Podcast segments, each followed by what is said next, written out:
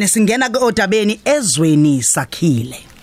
Imbiko, isiphakamiso, imbono kanye nezethembiso okungenzeka sivele kule ngxoxo akuzona izokhozi FM nenhlangano yeSABC. Ukhozi FM luhamba phambili. Fazi FM luhamba phambili from inhlangano ithuleleni organization umdu kwali yenkosi usekhona mfethu sekubingelela bafo kwamukele kukhozi Oh kwasa savela ubani. ukuthi weyinkinga Yebo. Ubani. Eyihlala kubhaka. yabona ubhaka wakho ngakutshela ukuthi wawushiye eminyaka because izinkinga igcina inabathe phela lesingabantu ziyahlala enhlizweni Usaza wabeqa amahlombe. Sayigcwele bakwethu ngabe nisanginike ezinye inkinga ezifanele lezi. Ake siphungule. Ya, kuyanqokolwa mfethu noma eh kunjena kodwa ke sigqemeza eh, asibonge kakhulu kumdu mfoka Yeah. mkhwanazi wethuleleni organization ngakho konke athe wasenzela khona ngiyazi sigqemeza ufisa ukumbuza ukuthi usiphetheleni namhlanje. yes mfethu sitheni namuhla Hey eh ngithatha into enhlangano esanthakho la ihlokomela. Eh Greater Greater North.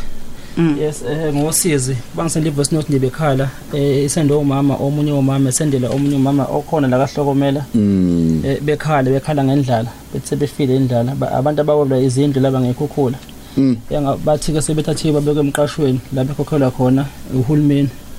Uhlangene nomasipala abakhokhela ke imali 5000 rand rent uhulumeni urent 5000 rand for yes yes okay. according kusho kwabi yes. But ukudla basanikeza ukudla. Ngenxa ukuthi why bengasenika bathi uhulumeni bathi ukhokhe rent enkulu. Mm. so ke inhlangano ke iyasukuma ke yangincema ukuthi angisondele ngihlangane nami nabo sibambisane ngolesihlanu sanikela khona. The surprising ukuthi labantu ke sabahambele nababonjilo neBay Phakathi Foundation. Sibanikela ngokudla babonjilo be constant ubaneza ngokudla and support. Wathi baba sekhona uhulumeni shuthi ngathi konke sekulungile. Waseyiphula off kunaye siyahlela Okay. bathona mawuthi abakanje basakhala ngendlala basakhala. mhlambe ngenxa isikhathi mhlambe singangena nje kubona eh, omama bathatha umlaleli la emsakazweni abala e studio bese kuba ke mm, eh, ubaba umthembu kanjalo ke nobaba udludla eh beqhamuka ke kwi Greater North kuhlokomela kwisanthakho Mm, asiqala kumamzondi eh, udeputy chair kwi-women desk. Mama uyimbokode usemateksini nakho kufika abanye abantu kwasho kuwe ukuthi wazala eh luwafika kanjani lolu daba kuwe eh ngaphambi kokuthi uze ulithathe ulidlulisele eh ku- ku- kubo babudludla no no no no no no nongoza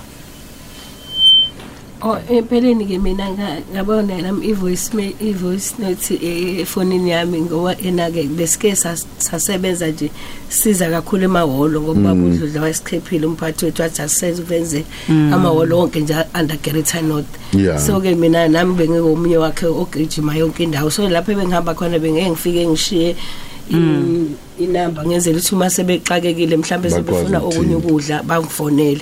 Noma befuna impahla zokugqoka bangifonele. So ke kusho ukuthi ke naye beqhubeka ke befona ke bekhela kwazi kwaba ngathi kuyaphela. So nje nje ngithe nje sengingase ngiphumulile nami sengithi yonke into ihamba right. Ngase kwangena ke le voice note ke yashiya sena balambile umama usehamba ngeenyawo aye ku Phoenix ephinde futhi abuye ngeenyawo ufuna amadoho angatholi lutho. Ngathi mina bese ngiyabuza nihlala kuphi naba sebeshoke bathi bahlala endaweni kala ngakolindelani ngathi mina hawu mina bese ngithi yonke into right njengoba sasikade ku- be- behlala kuyiholo la se Faith Mission ayike kuthe lapho ke ngase ngithi mina ayikulungile ngizobona ukuthi ngenze njani. Ngase ngayithatha ke nami voice note ngase ayi ingaphezulu kwami ke le ngase ngayisendela e groupini ke andahlokomela wase Greater North. Ngayike ngase ke baphendula ke ubaba ke babose babudludla umphathi wethu. Wathi ena ake ngihambe ngiyobheka labo mama. Ngahamba ke ngabheka ukuthi ena isimo sinjani? Ngasibona sinje sinjengoba besisho sinjengoba besisho ke hayi ngathi mina kulungile ngisohlehla ke ngibuyele emuva ngiyoba ngiyobachazela ke ngafike ngaphi ngangena kuhlokomela egroupini ngachaza ukuthi ngihambile. Yonke into baxakekile omama balambile baningi baningi imndeni u17 yo. Engana lutho Hey. bahlala emarumini room room room. Room umshuthi umndeni nomndeni nomndeni Une hlala room. erumini room room room. Ngempela ke sahamba ke ngase ke kwathi ke sengilibekile udaba ke wase kwasho ukuthi ake sizobona ukuthi senze njani isihlanganiseleke nathi ngo okukhipha emaphakethini ethu njengohlokomela sasivumile sathi sobanakekela abantu Okay. ngoba abantu abethu sibaphatha esibathuthayo kufanele sibanakekele noma bexakekile. Nangempela ke sahambisa ke ukudla sathola leyo mali sathenga sahambisa ke emndenini. Mm yonke ke ewu17 Okay. Siyabonga ukuthi anibalahla abantu. Umrozo wayengixoxela nje ukuthi wayekade nani nenza omunye umsebenzi eh, eh, ni- ni- nipha nezingane uniform. Kuhle kakhulu lokho babudludla. Usibongele nakusona zonke insizwa osebenza nazo. Cela ukuya komama sobabiza ngo anonymous. It's just ukuvikela isithunzi sabo nanokuthi bangasale sebehlukumezeka kakhulu. Yeah. Bomama kanti ishintshe phi indaba? Mhlawumbe siqaleni nje ngoku- ngaqala nanoma ngoyedwa wenu. Eh ningena benifaka khona lwalithini udaba? Ikuphi lapho shintshe khona? Sekuthiwa manje anisakwazi ukuthola ukudla. sasuswe holo sayiswa kulama lokhoza lama shelter la sikuwona. Mase sifile kulama shelter akukho esasithenjiswe wona singeniswa kulama shelter yeah. Sashuthi abanye bethu bahamba baya kwabukhansela beyoza ukuthi nge- ngoba siyafa indlala ngenzeka kanjani. Ubabukhansela waphuma nelizwe lokuthi sire rent yethu inkulu kakhulu 5000 umndeni uwodwa. So ingakho singathi asinakiwe njengoba um- imali elokhuzwana inkulu imali ekhokhwayo rent inkulu ingakho nje singanakiwe. Uba bukhansela ukusho lokho deliver message kubantu abalalele baningi noma ukusho kulo yedwa wayithunywe. Washo kulaba babe Babethuna. babeyile bomela bonke laba. Sure. u5000 rand ukhokhwa ubani ni rentelwa uba wathi uhulumeni. O- uhulumeni onrentelayo washo kanjalo. Uhulumeni kodwa ku- ku- kumasipala.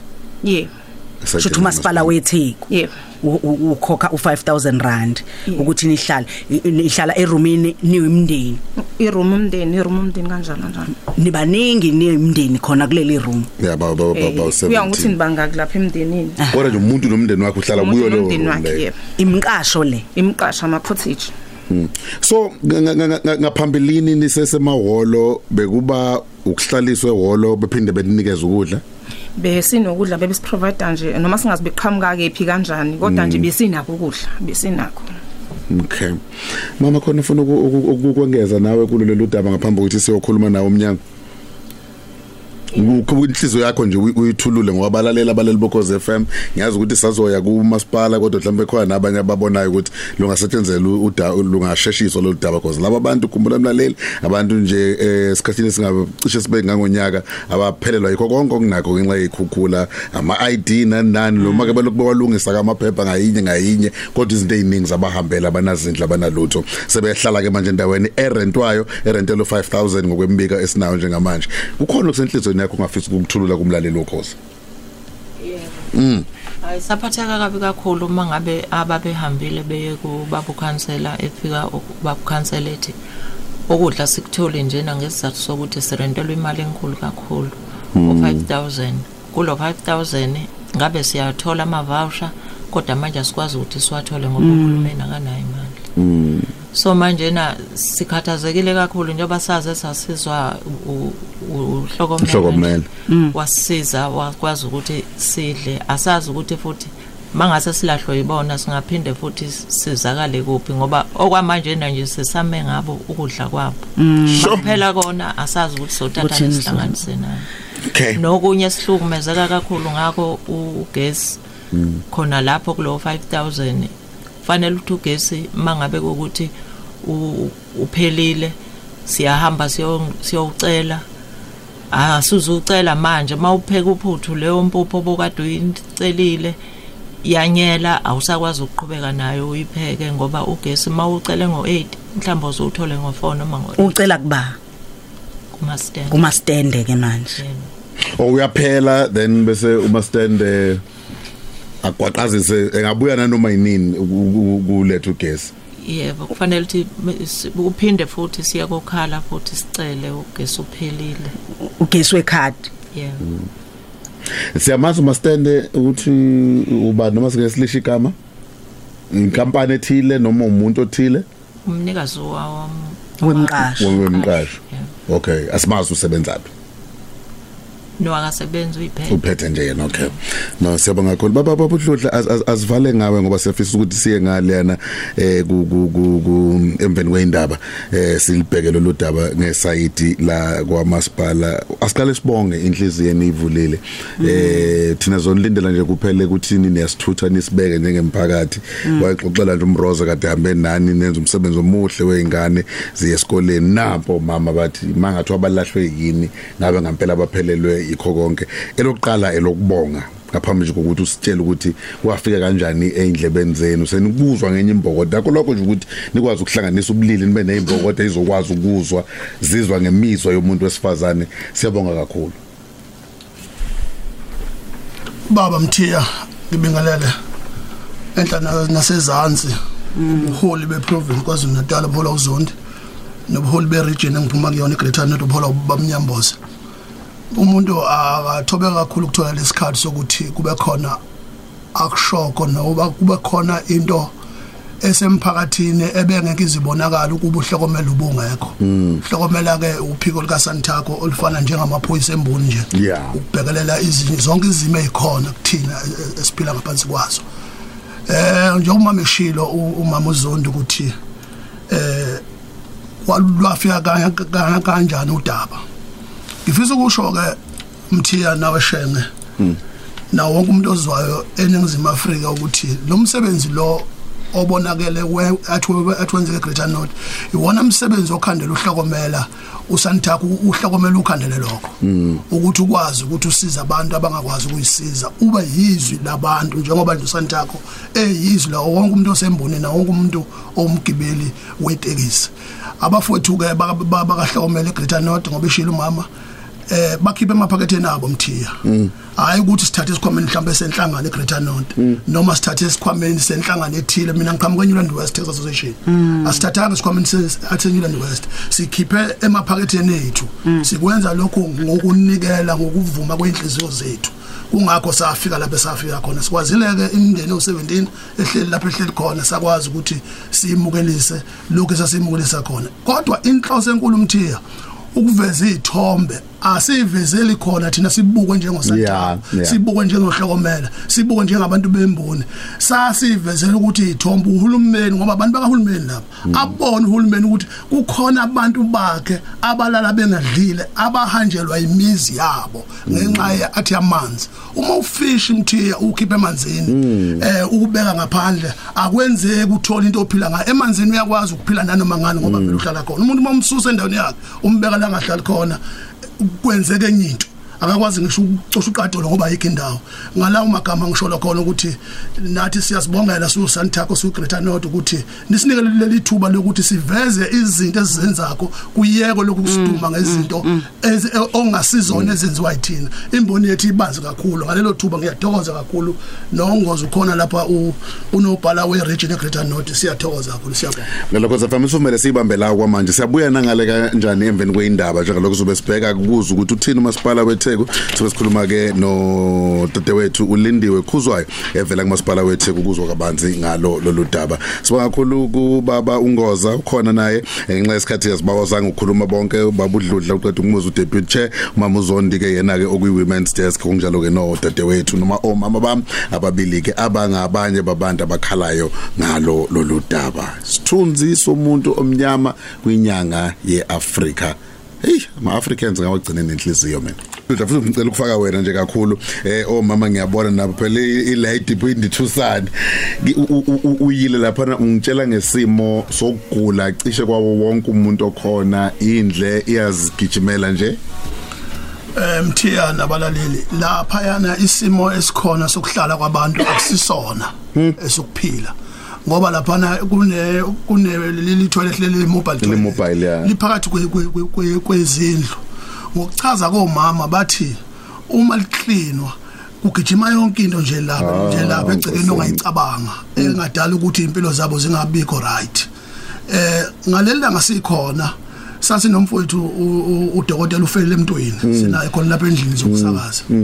Eh waze wa- wayibophezela ukuthi laba abagulayo abathatha inamba zakhe yena ulapha ngo- athi ngo- athi ngokwesintu. Yes. uzokwazi ukuthi abathi ukubathi hasha hasha kancane bese bebekwazi ukuthi mhlawumbe impilo zabo zira kodwa abantu lapha nabafuthi abekho right abantu lapha phela mnteni second lot mfowethu ngiyazi ukuthi eh, isikhathi siyaphe siyaphika. U- u- u- usiyakhuluma la off air uyasitshela ukuthi even umama la besinabe studio ufica ingane zabo ilele empeteni bayagula Ay, bonakele kakhulu bonakele kakhulu. Bayagula abantu balele bakhathele balambile. Ayikho into engekho ngicabanga kubhlungu nje kakhulu especially mangabe umzali noma umuntu ophila emphakathini kakhulukazi thina esiphila ngokuhambela imphakathi kunzima kakhulu bafowethu. Onamandla siyacela afake isandla lekelele bafowethu. Eish kulungile brother. Ungitshela ukuthi usekulungile. Yasekhona udadewethu Lindiwe Khuzwayo okhulumela ke umkhandlu weTheku. Mlalelo cause FM sikhuluma ke lelo hlelo kesibheke lona izweni sakhile. Dadewethu ulindiwe khuzwayo eh, uvela kumasipala weTheku. Sisilindiwe sikubingelele sikwamukele ku cause ekseni Sanibonani ngiyababingelela nabalaleli. Mm ngiyazi ukuthi mhlambe kade ulalele uyilandela indaba selokhu siqalile Eh bengilalela ngempela sigameza. njengomuntu ophila emhlabeni ozelwe ngowesifazane sesibeka phansi ama titles ethu iyona uhlobo lwempilo elingaphilwa umuntu waseAfrika eAfrika eyaziwa ngobuAfrika na Eh mthatha ngiqale sigameza ngibonga uhlokomela ngesandla osilulile ukulekelela imindeni le esikhuluma ngayo. Bese ngithi ke akekho vele umuntu noma umuphi nje wase South Africa ofanele aphile enhluphekweni. noma ngabe yiphi umuntu umndeni osuphekile akufanele kube kanjalo kodwa ke siyazi ukuthi zikhona izimo ezibeka abantu enhluphekweni yingakho kunama programs amaningi ahlukene kahulumeni okulekelela imindeni kule case esikhuluma ngayo njengamanje kwaba nezikhukhula njengoba sazi uma kune kune disaster ekhona umkhandlu uyayiphuthumise usizo ngaleso sikhathi sokulekelela ngesikhathi kune disaster ukuze abantu bangalali eminyango ukuze abantu bengalali bengadlili ngaleso sikhathi kune disaster. Ngama floods ke njengoba sazi ukuthi imindeni iyahanjelwa amakhaya eh bathatha ke bafakwe emahholo bafakwe emasontweni njalo njalo. Kodwa uhulumeni wasethi akekho umuntu odalela ukuhlala ehholo masiphuthumise uhlelo lokuthi imindeni ayiphume ehholo ihlale endaweni engconywana kungasehholo eh njengoba behleli la behleli khona komama nemindeni yabo. Now umasipala ngikusho ngenhlonipho lokho umasipala awunayo iprogram yoqhubeka yondla imindeni unomphela. Ngikusho ngentobeko lokho. Kunama programs amanye kahulumeni okulekelela yonke imindeni yase South Africa ehlwempu so kunesibonelelo sezingane kunesibonelelo sogogo nomkhulu kunesibonelelo leso sikhathi rifise saqala ngecovid esaqhubeka. Eh nisabakhubazekile njalo njalo. Kunezikole la kungakhokhwa khona ngoba kuyaziwa ukuthi imindeni ihlwempu ingane kodwa kumele ziye esikoleni. Ngaphezulu kwalokho uDSD noSASSA banayo iprogram yokulekelela abantu abahluphekile wena ngama food parcels noma ngama voucher kodwa umasipala nje awunayo iprogram esemthethweni yo yokuthengela indeni ukudla inyanga zonke. Kungesona isimo senhlekelele. Obviously ama ama floods ayinhlekelele and imindeni eminingi sahlukumezekile ngama floods. Kodwa uhlelo saliqhuba phambili thina njengomasipala sibambisene nezinye inhlaka zahulumeni yilona lelo ukuthi abantu mabaphume emahholo bahlale endaweni engconywana ngiyezwa ukuthi kunama problems akhona la njengayo le ukuthi ugesi mangabe uhambile kuthatha isikhathi nawo lo gesi njalo uyiphatha le mali umasipala ikhokhayo njalo kuma stand so sizoyilandela ke uma stand ukuthi abantu babehanjele ugesi phela mabangahlala amahora ngamahora belinde ukuthi mawufakwe ugesi. Eh naye ngiyayizwa lokuthi ngathi kunokuvuza okukhona kwamanzi. Into esingayisukumela ke sengumasipala leyo sisebenzisana naye umasitene ngokuthi umasitene simkhokhelela ukuthi abantu abahlala esimweni esingcono kakhulu kunalabe kade behlezi khona behlezi emahholo. Kodwa nje cekemeza ngiyakusho lokhu ngikusho ngokukhulu kuyithoba ukuthi umasipala unalo uhlelo lokuthi outside of an emergency period sibe nohlelo oluqhubekayo nyanga zonke lokuthenga ukudla sithengela imindeni. Sirelaya kulezi ezinye inhlaka zahulumeni ezinezibonelelo ezisemthethweni zokulekelela yonke imindeni ehlwempu. Okay. Ngicela ukubuza lo mbuzo but u lead to somewhere. Ninalo uhlelo lokurentela imindeni. Aninalo lokubapha ama food parcel i understand. Ninalo uhlelo lokuthi ke ngokwenu nama laws enu yokuthi ningirentele for 2 years indawo yokuhlala. Inalo uhlelo lakwa human settlements. Lokuthi ngesikhathi kumekade kunenhlekelele kube khona indawo engconywana abantu abahleli kuyona ngenkathi sisakha izindlu noma isikhathi sababhekela ukuthi bazohlala kuphi permanently. Yes sinalo uhlelo lokuhlaliswa kwabantu. Sengifuna ukuza ke manje because umuntu okhuluma as a councillor lika masipala ukhuluma ngasho ngithi ukhulumela umasipala as much as kuwena o authorize ukuthi ukhulumela umasipala. Ikhansela lifika elithi kithi because nina sinikhokhela imali engango 5000 rand asisakwazi ukuafford ukuthi sinikeze ama food parcel because sinikhokhela imali engangofa lokho kwenza igama lika masipala lingezwakali kahle noma kulikhunike kumina ukukhomenta kwinkulumo ekuthiwa yasho ikhansela into into ekhona ile ukuthi vele umas- umasipala awunalo uhlelo oluqhubekayo lwanyanga zonke lo- lokuthenga ukudla for imindeni. Ukuhlelo esinalo ileli lokuhlaliswa kwabantu bese sirela kula amanye ama-departments kahulumeni ukuthi wona ngoba ney'nhlelo zeyibonelelo ezahlukene zokulekelela yonke imindeni ehlwempu lezo lezoyibonelelo zibe sesikhipha ini zilekelele imindeni Na- ni- ni- ni- ni- Engingakuthatha mina, niyakhulumisana Gcemeza. Ye- yes so- so- so- sorry kungena lemini niyakhulumisana nabo laba. For example um uh, social development sinamba abantu abawu abawu17 sengibabekela as amandla ami wazi wena ukuthi ahamba kufikela ekutheni khona ngibafaka endlini. Wena usungaphinde uqhubekeke ubasize ngama ngama ngama food parcel or kumele kube yibona abayibonelayo. Wena okwakho kungishiya endlini kuphela. Bengiya lapho ke sigcemeza ukuthi into into engayithatha engakhomitha kuyona ukuthi um working with ama colleagues ethu aka human settlement sesinga check for example ukuthi le mindeni ukhona nongenali pass ukuthi activate ama colleagues ethu aka human aka aka home affairs. Ukhona yini eh, o- o- o qualify for isibonelelo ongasoli ukuze activate ama colleagues ethu akosasa njalo njalo. Si facilitate ukuthi lezo inhlaba ezimandated ukuletha lelo sizo zilulethe usizo olusemthethweni ezi- ezimandated by uhulumeni. So ngingayenza ke leyo commitment ukuthi lezo zinto si-check ukuthi eh abantwana aba- aba-qualify for libonela ayithola yini? Abangenawo ama-ID nama-birth certificate singasebenzisana kanjani ne-home affairs ukubalekelela Hayi, eh uma siyazenza sende u- u- ugesi akawulethe ngesikhathi makhona la kuvuza khona makhange phela ukuze abantu bangahlali esimeni esinga- esingenayo impilo. So lo- leyo commitment ke ngingayithatha-ke sizolekelelana nalezo zinye iy'nhlaka zikahulumeni Hayi, ukwenza siyithatha sure le- ukuthi abantu Siyithatha bawathola late ama- kodwa le ama- commitment. ama-programs siyithatha late le commitment but it's fine. Inda imali abayikhokhayo ngenyanga ibalelwa cishe ku 5000 wamarandi. And indawo ye yama rates akuleya ndawo abanye ba renta khona ba renta around u800 wamarandi. Why need choose ukuyokhokha imali ngango 5000 rand per house or per a room? Kule room ngokwembiko angikhuluma njengomuntu ongakayi khona. Ngokwembiko ephambi kwami i room umama wakhona ingane yakhe umfana bonke mabegeza kufanele bechintsha ama tents bekhona ophumayo bekhona onjani because kuhlala abantu bobulili. It's one single room at 5000 rand a month. While the very same room ngayirenta ngo 800 rand eh uma ngayirenta njengomasipala. So uma uma sitende noma ikuphi gameza ba decide ukuthi ama properties abo bazowabizisa amalini kodwa khumbula phela ukuthi kule mali angithi khona nogesi kukhona namanzi. Eh kulo kuyo yonke le mali okhuluma ngayo akona nje ukuthi eh em, ukuthi em, u- ukuhlala kuphela. Kodwa futhi khumbula njengoba usho nje nawe ukuthi baningi abantu abaphela mangirente 800 rand ngizobe ngirente mhlambe mina no no no no baba wase noma mina nengane zami. But uya uyasho i-room ngalinye line li- li- liphethe umthamo omningi wabantu. So akuze ukufana noma usukurentisa um, u- umndeni ojwayelekile. Nalapho njalo siyazi ukuthi akusona isimo esihle leso siyakuvuma lokho. Kodwa sithatha kungcono noku- kunokuthi ngoba bonke labantu baphume ehholo elilodwa bonke njengokuthi kuhlela ubulili nje. Kwakuhlela ubulili obodwa i- i- ihholo nomama nabantwana njalo njalo. Nako lako kunga- kwakungekuhle nakhona lakho akusona isimo esi- esingathi si-perfect. Kodwa sithi singcono kunokuhlala ehholo sisabheka ukuthi zinto ezinye ezinye esingazenza eh, umndeni imindeni ukuze ihlale ngendlela engcono ediserva yiwo wonke umuntu wase-south africa. Sisilindiwe ngenxa yokuthi isikhathi siya sishaya nathi ngala. Mhlambe ngicela ukubuza nje ukuthi uma ngabe kuzoba nomuntu ozoqhamuka eh nosizo lokuthi mina nginayo imqasho eh abantu laba abahlukumezekile bangeza kuphuma ithenda? Eh kufanele ube na processes ala Futhi futhi ngicela ukufaka wena nje kakhulu. Eh omama ngiyabona nabo phela i light point ithusana uyile lapha ungitshela ngesimo sokugula cishe kwawo wonke umuntu okhona indle iyazigijimela nje? Emthiya nabalaleli lapha yana isimo esikhona sokuhlala kwabantu akusisona esokuphila. Ngoba lapha kune kune leli toilet leli mobile Le mobile, yeah. liphakathi kwe- kwe- kwe- kwe- kwezindlu.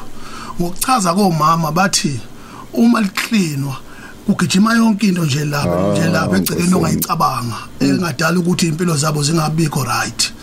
Eh ngaleli langa sikhona sasi nomfowethu udokotela ufelele emntwini sinaye khona lapha endlini zokusakaza. Eh waze wa- wayibophezela ukuthi laba abagulayo abathatha inamba zakhe yena lapha athi athi ngokwesintu. Yes. uzokwazi ukuthi abathi ukubathi hasha hasha kancane bese bebekwazi ukuthi mhlawumbe impilo zabo zira. Kodwa abantu lapha nabafuthi abekho right abantu lapha phela mnteni second lot mfowethu ngiyazi ukuthi eh, isikhathi siyaphe siyaphika. U- u- u- usiyakhuluma la off air uyasitshela ukuthi even umama la besinabe studio ufica ingane zabo ilele empedeni bayagula Ay, bonakele kakhulu bonakele kakhulu. Bayagula abantu balele bakhathele balambile. Ayikho into engekho ngicabanga kubhlungu nje kakhulu especially mangabe umzali noma umuntu ophila emphakathini. Kakhulukazi thina esiphila ngokuhambela imphakathi kunzima kakhulu bafowethu. Onamandla siyacela afake isandla lekelele bafowethu. Eish kulungile brother. Ungitshela ukuthi usekulungile. Yasekhona udadewethu Lindiwe khuzwayo okhulumela ke umkhandlu weTheku. Mlalelo cause FM sikhuluma ke lelo hlelo ke sibheke lona izweni sakhile. Dadewethu ulindiwe khuzwayo eh, uvela kumasipala weTheku. Sisilindiwe sikubingelele sikwamukele ku cause ekseni sanibonani ngiyababingelela nabalaleli. Mm ngiyazi ukuthi mhlambe kade ulalele uyilandela indaba selokhu siqalile. Eh bengilalela ngempela sigameza njengomuntu ophila emhlabeni ozelwe ngowesifazane sesibeka phansi ama titles ethu. Iyona uhlobo lwempilo elingaphilwa umuntu waseAfrika eAfrika eyaziwa ngobuAfrika na? Eh mthatha ngiqale sigameza ngibonga uhlokomela ngesandla osilulile ukulekelela imndeni le esikhuluma ngayo. Bese ngithi ke akekho vele umuntu noma umuphi nje wase South Africa ofanele aphile enhluphekweni. Noma ngabe yiphi umuntu umndeni osuphekile akufanele kube kanjalo. Kodwa ke siyazi ukuthi zikhona izimo ezibeka abantu enhluphekweni. Yingakho kunama programs amaningi ahlukene kahulumeni okulekelela imndeni kule case esikhuluma ngayo njengamanje kwaba nezikhukhula njengoba sazi uma kune kune disaster ekhona umkhandlu uyayiphuthumise usizo ngaleso sikhathi sokulekelela ngesikhathi kune disaster ukuze abantu bangalali eminyango ukuze abantu bengalali bengadlili ngaleso sikhathi kune disaster. Ngama floods ke njengoba sazi ukuthi imndeni yahanjelwa amakhaya eh bathatha ke bafakwe emahholo bafakwe emasontweni njalo njalo. Kodwa uhulumeni wasethi akekho umuntu odalela ukuhlala ehholo. Masiphuthumise uhlelo lokuthi imndeni ayiphume ehholo ihlale endaweni engconywana kunasehholo eh njengoba behleli la behleli khona komama nemindeni yabo. Now umasipala ngikusho ngenhlonipho lokho umasipala awunayo iprogram yoqhubeka yondla imindeni unomphela. Ngikusho ngentobeko lokho. Kunama programs amanye kahulumeni okulekelela yonke imindeni yase South Africa ehlwempu so kunesibonelelo sezingane kunesibonelelo sogogo nomkhulu kunesibonelelo leso sika 350 saqala ngeCovid esaqhubeka. Eh nisabakhubazekile njalo njalo. Kunezikole la kungakhokhwa khona ngoba kuyaziwa ukuthi imindeni ihlwempu ingane kodwa kumele ziye esikoleni. Ngaphezulu kwalokho uDSD neSASSA banayo iprogram yokulekelela abantu abahluphekile whether ngama food parcels noma ngama voucher kodwa umasipala nje awunayo iprogram esemthethweni yo yokuthengela indeni ukudla inyanga zonke. Kungesona isimo senhlekelele. Obviously ama ama floods ayinhlekelele and imindeni eminingi sahlukumezekile ngama floods. Kodwa uhlelo saliqhuba phambili thina njengomasipala sibambisene nezinye inhlaka zahulumeni yilona lelo ukuthi abantu mabaphume emahholo bahlale endaweni ezingconyana ngezwe ukuthi kunama problems akhona la njengayo le ukuthi ugesi mangabe uhambile kuthatha isikhathi. Nawo lo gesi njalo uyiphatha le mali umasipala ikhokhayo njalo kuma stand so sizoyilandela ke kuma stand ukuthi abantu babehanjela ugesi phela mabangahlala amahora ngamahora belinde ukuthi mawufakwe ugesi. Eh naye ngiyizwa lokuthi ngathi kunokuvuza okukhona kwamanzi into esingayisukumela ke sengumasipala leyo sisebenzisana naye umasitene ngokuthi umasitene simkhokhelela ukuthi abantu abahlala esimweni esingcono kakhulu kunalabe kade behlezi khona behlezi emahholo kodwa nje cekemeza ngiyakusho lokhu ngikusho ngokukhulu kuyithoba ukuthi umasipala unalo uhlelo lokuthi outside of an emergency period sibe nohlelo oluqhubekayo nje inyanga zonke lokuthenga ukudla sithengela imindeni. Sirelaya kulezi ezinye inhlaka zahulumeni ezinezibonelelo ezisemthethweni zokulekelela yonke imindeni ehlwempu. Okay. Ngicela ukubuza lo mbuzo but u lead to somewhere. Ninalo uhlelo lokurentela imindeni. Aninalo lokubapha ama food parcel i understand. Ninalo uhlelo lokuthi ke ngokwenu nama laws enu yokuthi ningirentele for 2 years indawo yokuhlala. Sinalo uhlelo lakwa human settlements. Lokuthi ngesikhathi kumekade kunenhlekelele kube khona indawo engconywana abantu abahleli kuyona ngenkathi sisakha izindlu noma isikhathi sababhekela ukuthi bazohlala kuphi permanently. Yes sinalo uhlelo lokuhlaliswa kwabantu.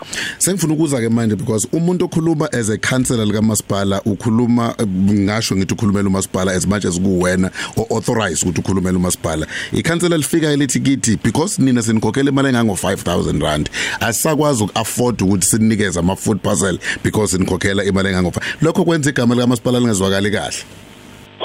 Noma kulikhunike kumina ukukhomenta inkulumo ekuthiwa yasho ikhansela into into ekhona ile ukuthi vele umasipala awunalo uhlelo oluqhubekayo lwanyanga zonke lokuthenga ukudla for imindeni. Ukuhlela esinalo ileli lokuhlaliswa kwabantu bese sirela kula amanye ama departments kahulumeni ukuthi wona ngoba nezinhlelo zeyibonelele ezahlukene zokulekelela yonke imindeni ehlwempu lezo lezo yibonelele ukuze sesikhipha imzilekelele imindeni.